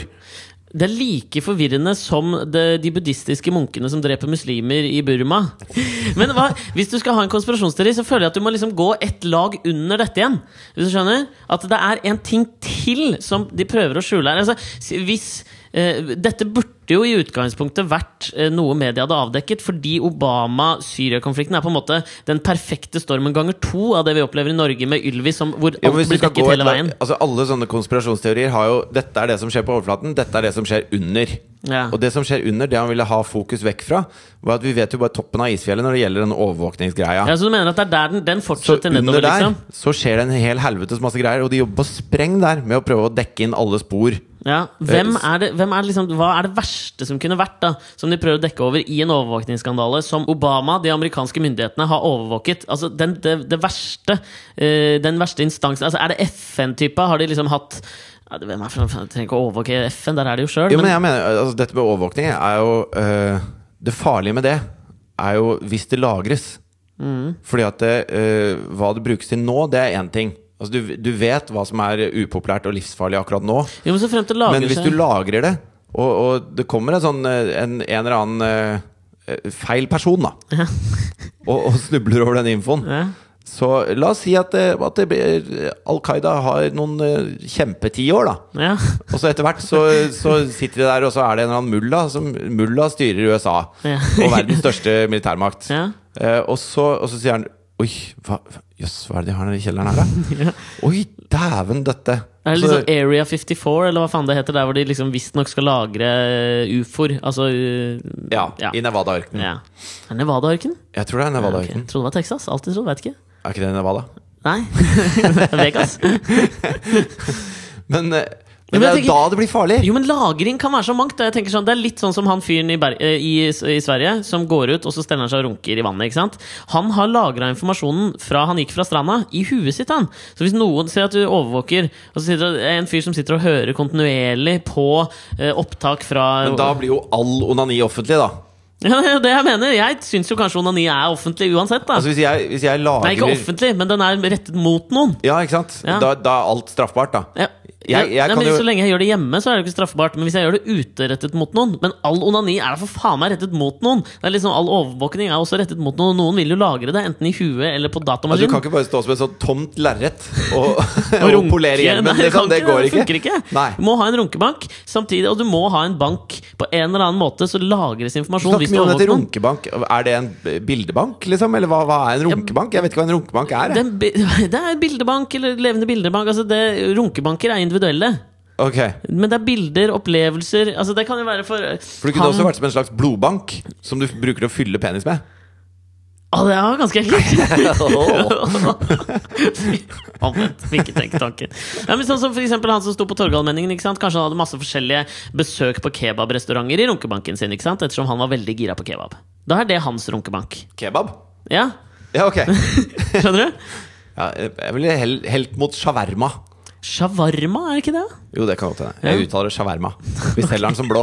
Faen, vær så snill å fortelle denne historien. Jeg var på, var på eh, Rock mot rus på Andøya. I For- utgangspunktet for lenge siden. en, Det er en misforståelse. Hør fire podkaster tilbake, så prater vi om det. Ja, pølse mot lompe. Eh, ok. Ve- Og så var Vegard Shortcut var konferansier. Tenk deg om du hadde sagt Vegard Ulvisåker nå, så hadde vi plutselig fått 10 000 flere treff på podkasten.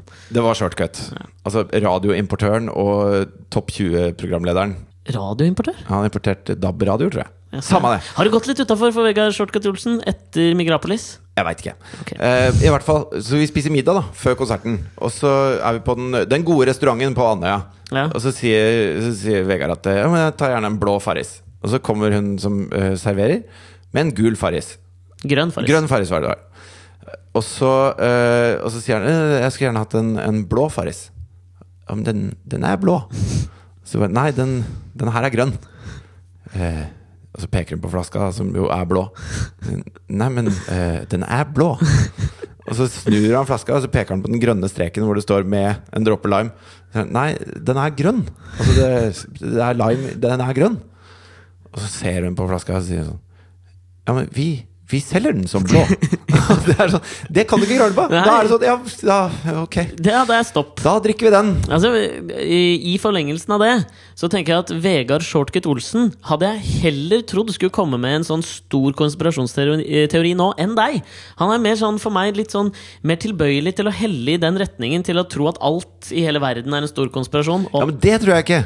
Jeg tror bare at eh, Obama var i eh, et, et veldig dumt sted Ja. etter dette med Snowden. Ja, i og eller han på, tenkte at kan nå, aldri vite. nå, må vi, nå må vi dreie samtalen over på noe annet. Og det greiene funker, da. Jo, men- ja, men nå, ja, det For det funker. er jo ingen som har snakka om Snowden på en måned nå. Nei, men så er spørsmålet om det nye er blitt bedre, og det tror jeg ikke. Nei, for nå fremstår jo Obama som en svak leder. Og jeg syns det er veldig ungdomsskole at, eh, at eh, man deler ledere inn i sterk og svak.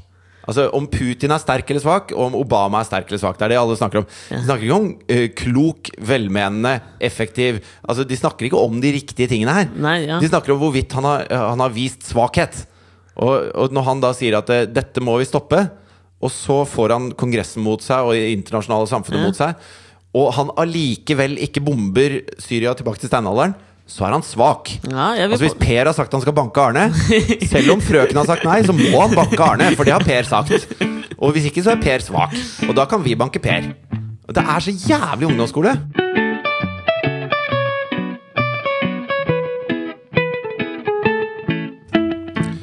Dette er jo blitt en litt sånn her samfunns, eh, samfunnspodkast, på en måte. Vi har snakket mye om politikk og sånne ting. Ja. Og jeg har én en sak til som jeg fø- har veldig lyst til å ta opp. Det er ikke en sak som har fått mye skriverier. Ok. Den dreier seg om heroin. Ja, så du. Ja, fordi at eh, jeg mener jo det At eh, heroin er et såpass livsfarlig dop At eh, folk har ikke noe valg lenger Når folk først har begynt med det greiene der Ja. så, eh, så er det ikke eh, dårlig viljestyrke At de ikke klarer å komme seg ut av det Det er en hengemyr som er så dyp Ja. At, eh, at det er, det er det- man, man snakker ikke om viljestyrke lenger Nei. Man snakker om helt andre ting Ja. Og man må gå mye mer drastisk til verks Hvis man skal kunne bli kvitt det enn bare sånn, jeg, jeg tror folk sammenligner med sånn Å, nå har jeg lyst på pølse på skjell Nei, nå skal jeg vise litt viljestyrke og ikke kjøpe pølse på skjell Selv om jeg har lyst på Ja. Det burde heroinisten også gjøre Ja. Det Jeg tror føles ut som mange noe har et Kari sånt Jakkesson syn- kunne ja, sagt, ja. Mange har et sånt syn på det Men så har de gjort et eksperiment her Som, eh, som jeg synes var veldig sånn urovekkende hvor de har jo eksperimentert på rotter for å finne ut eh, åssen avhengighet fungerer. Da, og funnet ut at eh, hvis du setter i et rottebur, så har du to dispensere. En med eh, morfin i vannet, som er det heroin omdannes til i kroppen. Og en med vanlig vann. Så vil de rottene bli jævla hekta på den morfintappekrana. Ja. og, og bare bruke den til de dauer. Og så er det en som har sagt at eh, men, men kan det ha noe med liksom, omgivelsene dine? Med hvor stressa du er, og, og hvor mye problemer du har, og, og hvor fornøyd du føler deg? Altså det behovet for å medisinere seg. Mm. Så han lagde bare et helvetes fett sånn rottebur. Mm. Som var dritsvært, med masse, masse trær og sånn løpehjul og masse gøy som de kunne leke med. Ja. Og det var like mange gutter som det var jenter, og disse rottene fikk barn og hadde det helt prima. Og så fôra han alle på heroin, eller på morfin, da, i 50 dager. Og så satte han dem i dette dødsfete buret, Ja. hvor det også var to dispensere. Én Ja. med morfinvann, og én med vanlig vann. Og det han fant ut av, var at det var bare 10 av rottene som ble hekta på dette morfinvannet, mens de andre slutta med morfin. Jeg merker umiddelbart at jeg øh, krysser fingrene for at Per Sandberg hører på denne ukas utgave av Alex og Fritjofs podkast. Ja, fortsett. Og det, er ganske jo, fascinerende, ass, det ja. åpner jo for at de sosioøkonomiske delene av Mm. samfunnet At hvis man gir mennesker muligheter til å, å vokse og trives og ha det bra, så tar man bort behovet for selvmedisinering. Og jeg har hatt oppi hodet mitt Så har jeg hatt en tro på at eh, heroin er, såpass, er et såpass livsfarlig stoff da, Mm. at det tar bort den frie viljen. At, bare du, at det hjelper ikke å få vaffel og en kos eh, mot heroin. Nei. Eh, det som hjelper, er å, å bare fjerne heroinen, på en måte. I, ja. Det er det eneste som kan funke, for det er ikke viljekraft det står på lenger. Nei. Men så ser man på disse rottene Nå er jo per def rotter ikke mennesker, da, så det kan godt hende det er noen forskjeller der òg. Men det, det var skummelt at det gjorde så stor, stort utslag. Ja, men jeg, for jeg tror hele poenget der er at det, sånn som jeg ser på heroinmisbruk, da, uten at jeg skal vite noe om det, jeg har ikke noe sånn personlig kjennskap til heroinmisbruk. Altså, jeg, eller jeg har aldri brukt heroinmisbrukere. heroin, men jeg eh, har flere kompiser som har dødd av eh, Ja. overdoser på heroin. Jeg har en tanke, og det kan, kan være naiv nok, jeg veit ikke, men jeg føler jo at de fle de- Jeg sier de fleste. Majoriteten av de som prøver det, tror jeg i utgangspunktet bruker det i en eller annen sånn selvmedisi selvmedisineringsøyemed. For jeg tror ikke Det, det er ingen som eh, blir født, vokser opp og tenker 'jeg skal bli heroinmisbruker'. Det er noen omstendigheter rundt som gjør at man prøver det. Men jeg, Åpenbart. jeg tror liksom. også veldig mange er, eh, lider under den eh, misforståelsen at de kan kontrollere det. Ja. De første gangene de prøver det. Det er jo også eh, litt den der sluttegreia. er jo Hele eh, det nye prosjektet til han Russell Brand-komikeren også. Hvor han mener sånn det het, Da må jeg bruke et engelsk ord, for jeg vet ikke hva det heter på norsk. Men hvor han forfekter abstinence-based recovery. Fordi veldig mange eh, Det heroinmisbrukere heter abstinensbasert eh, recovery. Hva faen er recovery? Eh, eh, for, forbedring? eh, Ja, et eller annet, da. Ja, ok. Men La oss si abstinence-based recovery, da. Ja. Eh, Poenget er at det eh, veldig ABS. La oss kalle det ABR. R. Eh, Det hadde vært fett hvis det var ABS. En Ja, det hadde jævlig vært- effektiv brems. Ja, ja. Hadde ikke det i mikroen din da du var liten? Ikke noe ABS-bremser. Nei. Poenget er at eh, veldig mange eh, behandlingsmetoder for heroin er jo at de erstatter heroin med noe annet. Eh, for eksempel metadon. Ikke sant? Som Hank van Helvete har jo gått på med- Han går vel fortsatt på metadon, tenker jeg? Ja. Eh, Som på en eller annen måte bare er at du, du erstatter et stoff med et annet. Og han mener, altså Nå skal jeg ikke si at jeg er 100 enig med, med Russell Brand og hele den der eh, esoteriske yogatilværelsen som funka for han. Jeg tror det Men er det er jo en jævlig slags Jesus, altså Jesus og metadon er jo de to tingene som fungerer best mot Ikke sant? heroinavhengighet. Ja. Og, og yoga og fargebad kan jo være Vishnu en er Jesus, det òg, på en måte. slags Jesus-metafor, da. Ja. Jeg, var- det, jeg, jeg tror ikke Jeg tror det er sånn jævlig lett å sette Altså Alle kommer fra et forskjellig punkt når man prøver noe. Det er ikke liksom sånn én grunn til at eh, alle som har prøvd heroin, prøver heroin. Og Derfor syns jeg det er så jævlig rart at vi snakker om sånn én behandlingsmåte. For jeg tror det, du må bare ha et helt sånn åpent system, tenker jeg, da. Ikke sant? For at, Ja. hva som hadde, hvis du og jeg begge hadde begynt på heroin, så hadde vi klart å slutte på helt forskjellige måter. Det tror jeg altså. Vi Eh, hadde sannsynlig, altså, eh, statistisk sett ikke klart å slutte noen av oss. Nei. Sannsynligheten også for at eh, en av oss hadde funnet Jesus. Overveiende sannsynlighet. Det hadde vært meg, ass. Det hadde vært deg. ja, det hadde vært meg. Jeg heller mer mot Vishnu da. Ja, ikke sant? ja, eh, ja Vishnu og Jesus har funnet en eller annen sånn ting. Ja. Og det eh, liksom, aksepterer jeg, selv om jeg blir liksom sånn eh, det, det er lett å stille seg til dommer. Jeg har tenkt mange ganger liksom, Herregud, det er så teit. Det blir liksom sånn Alle skal finne Jesus, eller Men det noen. er sånn, jeg har en fyr eh, Eller jeg har en fyr, jeg har en kompis av meg som har, var veldig ja. tungt utpå. Og det han har funnet, er på en måte fjellklatring. ja, det Og er det, til det, rush, da. det gjør han hele tiden. ja. Og det, det er det som eh, funker for han. ja, og det mener jeg at det må jo eh, være greit. Klart det. Tenker jeg. Du må på den gjerne andre klatre siden- fjell, liksom. Men på den andre siden, da, er det noen forskjell i å bli avhengig? For da tenker jeg at han er en avhengig av å klatre i fjell. Er det noen forskjell på å være avhengig av å klatre i fjell eller å hoppe i fallskjerm enn å være avhengig av metadon, hvis du får det samme kicket? Ja, altså metadon er jo altså, problem med, Det er mange problemer med heroin som Metadon ikke er- fins med fjellklatring Ja, og det er for metadon. så vidt sant, da. Sånn at eh, jeg ser ikke helt problemet der. Nei, det er for så vidt sant, og fordi at eh, eh, du, du kan ikke ta overdose av fjellklatring. Ja, det er vel når du detter, da. Ja, men det føler jeg da fjellklatrer du ikke lenger, da faller du. Ja, Så går du på fjellfalling. ja, det er, er noe helt annet. Men ja, altså, du, har, du føler at dette har fått for lite oppmerksomhet. Er det, hva, er det baserer, Du baserer ikke dette på en eller annen slags form for konspirasjonsteori heller? eller? Nei, overhodet ikke. Jeg bare syns det er jævlig trist at vi i, i verdens rikeste land skal ha alle våre misbrukere plassert på sentralbanestasjonen, sånn at det første, det første folk ser når de kommer til Norge, er at vi ikke klarer å hanskes med dette problemet. Jeg syns vi må hanskes med det på en helt annen måte, en mye bedre måte. Vi må ta misbrukerne på alvor. Og vi må endre deres sosio sosialøkonomiske status.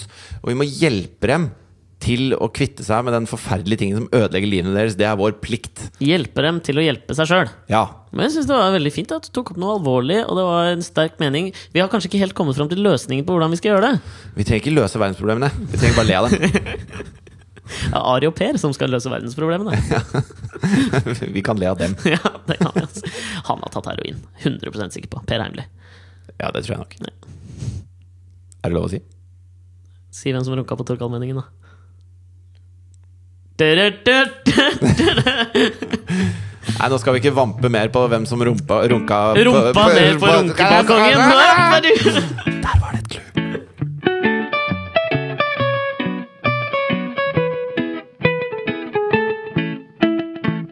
Hvis vi skal gå rettferdighetens ledtog i denne podkasten litt grann til, så er det en ting som jeg har reagert på. For jeg eh, oppdaterte på TV-en min her forleden dag, så jeg fikk en hel haug med nye kanaler. Og en del av disse her eh, amerikanske kanalene som sender veldig spesifikke programmer, type sånn Max, eh, TV Norges Max ganger 100, ikke sant? Sånn at det er veldig sånn Bare dreier mammakanal. seg om fisking. Ja, ikke sant? Vet du forresten hva som var det mest sette programmet her på amerikansk TV? Slo liksom finalen i Idol, slo finalen i The Voice og alt mulig sånt. Det var en sånn dukkusåpe om noen her, eh, en familie som bor i altså verste redneck-land i USA. Eh, Honey Boo Boo? Nei, det var ikke Honey Boo Boo. Ok. For jeg, har du, jeg tok og så 20 minutter på det en dag. For det var Det er også en av de nye helt kanalene jeg har fått. sjukt. Det er Helt, jo helt sjukt. jævlig, men det, jeg føler at det er liksom for det er, ikke- Jeg gidder ikke. Nei, det interesserer meg for de ikke. av liksom. dere som lurer på hva Honey Boo Boo er, så YouTube Ja, YouTube it. Men dette var på, eh, det var da en sånn familie som drev med Altså De bare drev skøyt og jakta på alligatorer. Og det var liksom det Ja. største i USA nå. Ja. Jeg forstår det ikke. Vet du hvilken kanal som sees mest på Nei. i USA? Al Jazeera? Nei. Fox? Nei. YouTube? The Weather Channel. Er det The Weather Channel, eller? Som bare har 24 timer i døgnet værmelding. Jeg har aldri skjønt poenget med å se på værmelding! Nei, det er helt, Hvis jeg åpner vinduet, liksom. det er helt sprøtt. Men hva var det du skulle si? Ja, poenget var I rettferdighetens ledtog, ja. Eh, Jeg kom da inn på en av disse kanalene, og så ser jeg da det er et program om en fyr som liksom reiser rundt og skal eh, spise om kapp med folk på deres lokale den lokale spesialiteten. Så han er type i, i New Orleans eller en eller annen sånn kystby oppe i Maine, så spiser han lobster og et eller annet sånt, men da spiser han ikke bare lobster. I New Orleans er det sikkert sånn kreolsk Ja, et eller rett, annet da. sånn chimichanga eller noe sånt noe. Ja. Aner altså hva chimichanga er? Nei, jeg vet ikke heller. Videre. Ja. Eh, hvor, eh, hvor det ikke bare er om å gjøre å- altså, Det er liksom, liksom absurde mengder. da Altså Han spiser så mye at han står og spyr. Og, ja, det, er he det er ganske jævlig å se på. Og så møter han da liksom den lokale eh, mesteren i å spise mye. Ja. Eh, og de spiser altså til de spyr, og det er helt Har, jævlig. har alle steder i Norge en lokalmester på å spise mye? Vi har jo ikke det, vi har ikke noen tradisjon for det der. Nei. Vi har vel aldri hatt en pølsespisekonkurranse i Norge, så vidt meg bekjent. Det har vi sikkert. Helt sikkert. Helt sikkert. Aldri forstått den der med hvordan du fordøyer de, altså Det er jo alltid de minste japanske kvinnene som spiser flest eh, pølser. Ja, men jeg tror ikke det har så mye med Pun intended. fordøyingen å gjøre. Nei, men de, de svelger jo nesten pølsene hele, og jeg skjønner ikke Det må jo skade fordøyelsessystemet ditt. Ja, Det tror jeg helt sikkert. Ja, Ap- Uansett. da. Apropos fordøyelsessystem. Jeg leste at det er, det er noen som lider av en, en, en sjelden Sykdom. Hvor eh, kroppen ikke klarer å skille ut gjær. Så Ok. gjær blir liggende i det nedre tarmsystemet. Ok. Og det som skjer med disse folka, da, det er at de blir som et sånt lite ølbryggeri. Ja, fordi gjær er jo en levende organisme. Ja, Så Ikke når sant? de spiser da noe med korn i, så Nei. går, det, så går det noen timer, og så blir de drita. Jeg kødder, eller? Nei, fakta. Og Det hun var en mann som de, billig. de skjønte ikke hva dette var for noe. Så til slutt så eh, var de sånn Ok, nå måler vi Altså han hadde sånn du vet sånn du blåser inn i for å måle promille. Ja, alkometer. Alkometer. Og til slutt så låste de han inne i et rom på sykehuset og målte eh, Han fikk ikke noe mat. Han fikk ingenting. Ja. Og han var, plutselig var han drita, og plutselig var han helt edru, og, og så var han drita igjen. Og, og det er bare magen hans som er sånn ølbryggeri. Er jo fanta- Verdens Men- minste mikrobryggeri. mikro, mikrobryggeri. Jeg tenkte jo også altså, Tanken min da du begynte det, var at magen skulle ese.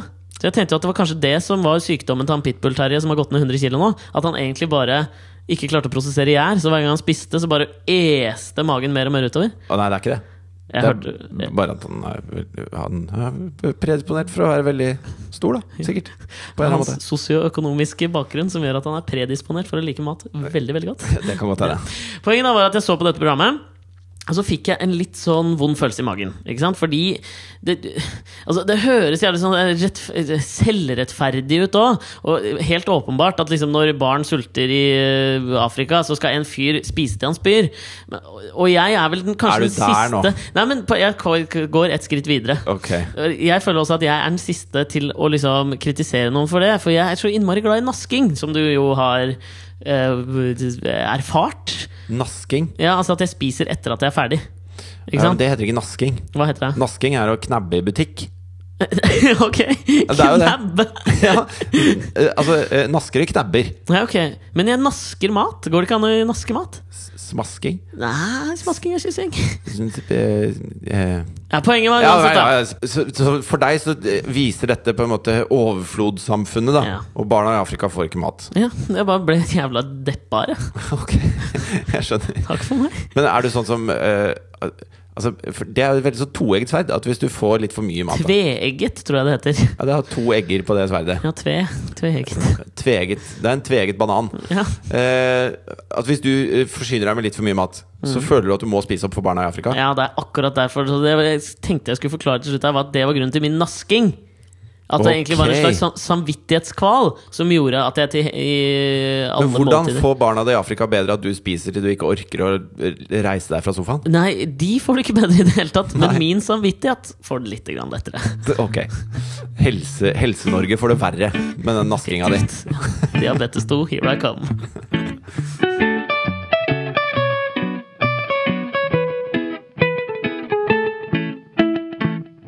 Men jeg syns jo det er litt deilig at du, at du tenker på barna i Afrika, da, i det hele tatt. At det er noe som engasjerer deg. Ja. Det er jo mange ting som folk engasjerer seg i, som er mye, mye dummere enn det. Mhm. Og hvor man skal rense sin egen samvittighet på det. Og det er blant annet nå et eh, Altså, det er jo mange som har lyst til å redde dyrearter som er i ferd med å utryddes. Ja. Og de kommer fra forskjellige vinkler. når de- World Wildlife Fund er det eneste jeg kjenner til. Ja, Ja, det er også- Greenpeace. noe som heter The Ugly Animal Preservation Society. Som er altså, teorien om at alle har lyst til å redde de dyrene som er søte. Ja. Men det er Pandaer? ingen som passer på stygge dyr. Nei. Pandaer er vel på en måte det er kroneksempelet på eh, Hvis du kommer, da. Si at du, du går på gata, og så skal du samle inn penger. Så går du og ringer på. Hvis du viser et bilde av en panda, da vil du i 90 av tilfellene få penger. Hvis Ja. du viser et bilde av en hårløs katt, kanskje ikke så mye. Nei. Altså, til og med katter, også veldig Selv hårløse katter. Men jeg tenker da på type sånne Altså, det er øh, den sty Det styggeste dyret, det som har blitt kåret til det styggeste dyret, er en fisk som lever på bunnen av veldig dype hav. Ja. som heter- Marianergropen, eller? Nei, ikke så dype. Nei. Den heter blobfish. Ja. Er det der Hootie and the Blowfish kom og hentet sitt navn fra? Jeg håper ikke det. Nå Hva skal jeg vise skjedde deg et med- bilde av en blobfish. Kan som jeg bare jeg også spørre, kommer til å legge ut. hva Se på det skjedde med bildet. Ja, det er kjempe, kjempestygt. Ser ut som en jævla Æsj. Ja, det, ah, nei, det er fælt. Hva i all Det verden er- skjedde det med ser ut som en- Hootie and the Blowfish? Det ser Vet ut du som en brennmanet Ikke? med ansiktet til en gretten gammel mann. Ja, ja Og men det, er ser ut ganske som- utrolig. Det ser akkurat ut som eh, Walter Matthau i 'Gretne gamle gubber'. Ja. Hvis han hadde bare blitt Paret flyttet seg med en litt. manet, Ja. så hadde han havna der. Men er det en utrydningstruet? Eh, Den er visst det, da. Og, så, eh, og jeg, jeg syns jo det er litt eh, Jeg synes det er fint at noen tar seg av de stygge dyrene også. Ja. Og, og jeg, jeg skjønner at folk har lyst til det, men hvis man skal redde verden er det der man må begynne? Altså, Fins det ikke noe mer presserende her i verden enn å redde de stygge dyrene? Altså, ikke ifølge meg. Jeg prøvde å skyte inn i stad, skjønner du, for Hootie and the Blowfish, som du fikk meg til å tenke på, med den derre stygge Blobfish. blobfishen, Ja. er, var da et band fra USA. Starta på midten av 80-tallet, tror jeg. Hadde sikkert bare én. Liksom. Jeg Føler det er litt sånn novelty hit-band. Klarte aldri Jo, de slo kanskje gjennom. Ble Jeg litt tror de borte. slo igjennom, fordi at det, sånne band som bare har én hit, da husker du bare låta.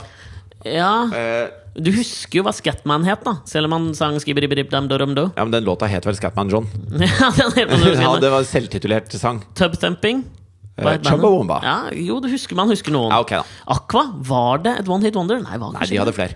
ja. hva, sy- hva syns du om uh, Aqualene i The Voice? da?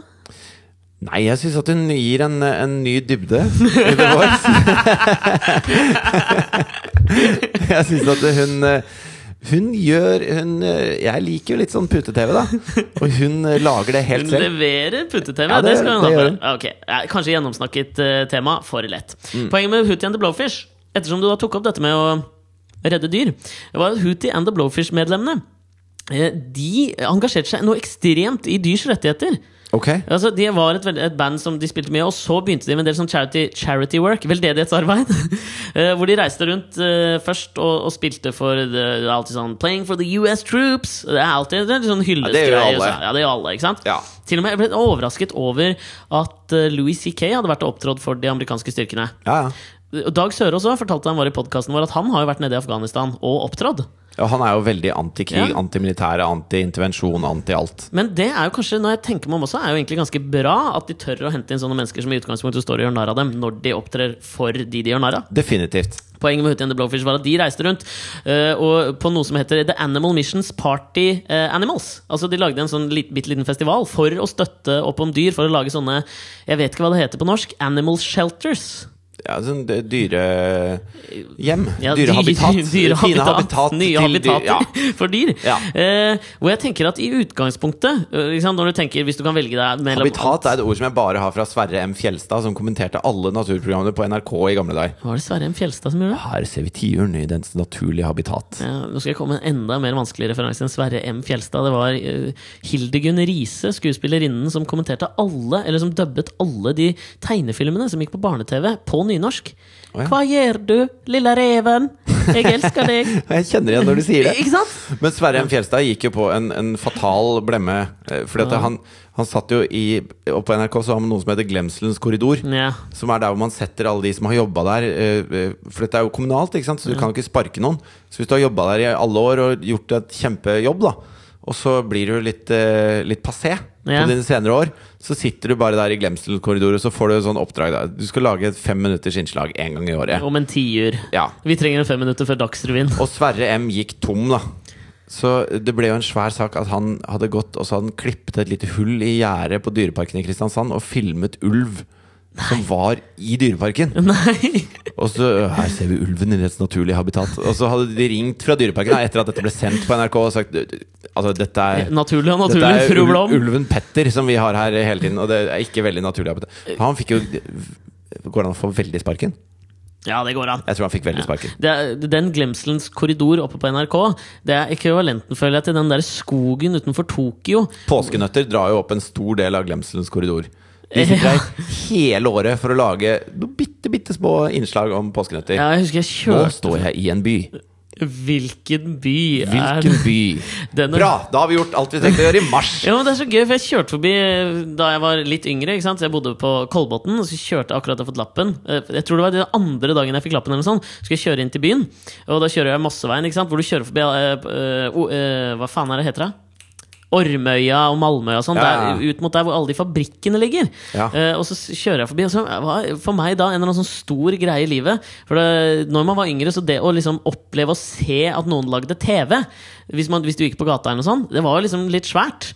Nå, i hvert fall i Oslo nå, så ser man det veldig ofte. At Kanskje det er noen var som litt møter lille med kamera. kald i livet. Jeg Sånn som lurer jeg, når man prater med sånne idrettsutøvere, så sier de at eh, Ja, jeg så en gang det, og da, da visste jeg hva jeg fant skulle. ut det, ikke sant? Så når du kjørte med foreldrene dine Nei, det var jeg som kjørte, for jeg hadde akkurat fått lappen. Og det var derfor Å, ja. det føltes større òg, for jeg var på en måte tredd inn i de voksnes rekker. Og så kjører jeg forbi eh, Det er akkurat ved bomringen på Mosseveien inn mot Oslo. Ja. Eh, og så ser jeg Roald Øyen stå, stå der. Og jeg, Roald Øyen var, var household name, da. Ja, han var svær. Han var svær. Ja. Eh, hvor han står der Til de av dere som, som er yngre, det er han som har påskenøtter. Jeg hadde, Nå er det jo Gokstad, Rune Ja, stemmer Gokstad det. og han, eh, hva er det han andre heter? da? Jeg syns ikke man kan lage påskenøtter jeg, uten Roald Øyen. Nei, man kan ikke det. Poenget var at jeg så han stå på Mosseveien, hvor han hadde et sånt kamerastativ, og et bitte, bitte litt sånn hjemmekamera, og så sto han liksom foran, og akkurat i det jeg kjørte forbi, så liksom rakk jeg å se at han liksom gikk bak for å se at han hadde tatt det riktige utsnittet, og på en måte alt falt litt sammen for meg. Skjønner du? Du miste, det var ikke noe Det var Hollywood-faktor i deg. null Hollywood-vibe. Nei. Og jeg tenker Det må jo være en ø, fantastisk jobb å ha, fordi du bruker et helt år på å lage påskenøttene. Ja, Men så er de Og så det- dårlige, da. Ja, men det er det, da! For han må jo gjøre det sjøl. Jo. Stakkars fyr. Men her, det skal jeg gjort bedre, altså. Jeg tror en fyr som Herregud. faktisk ø, sånn mot alle odds ble hentet ut av glemselens korridorer, var han Torkjell Bærulfsen. ja. Kjenner ringer navnet en bjelle? ja, er det ikke han som hadde det Edle dråper-programmet? E? Ja, og så har Han lagde noe b- p- program om penger og noen greier.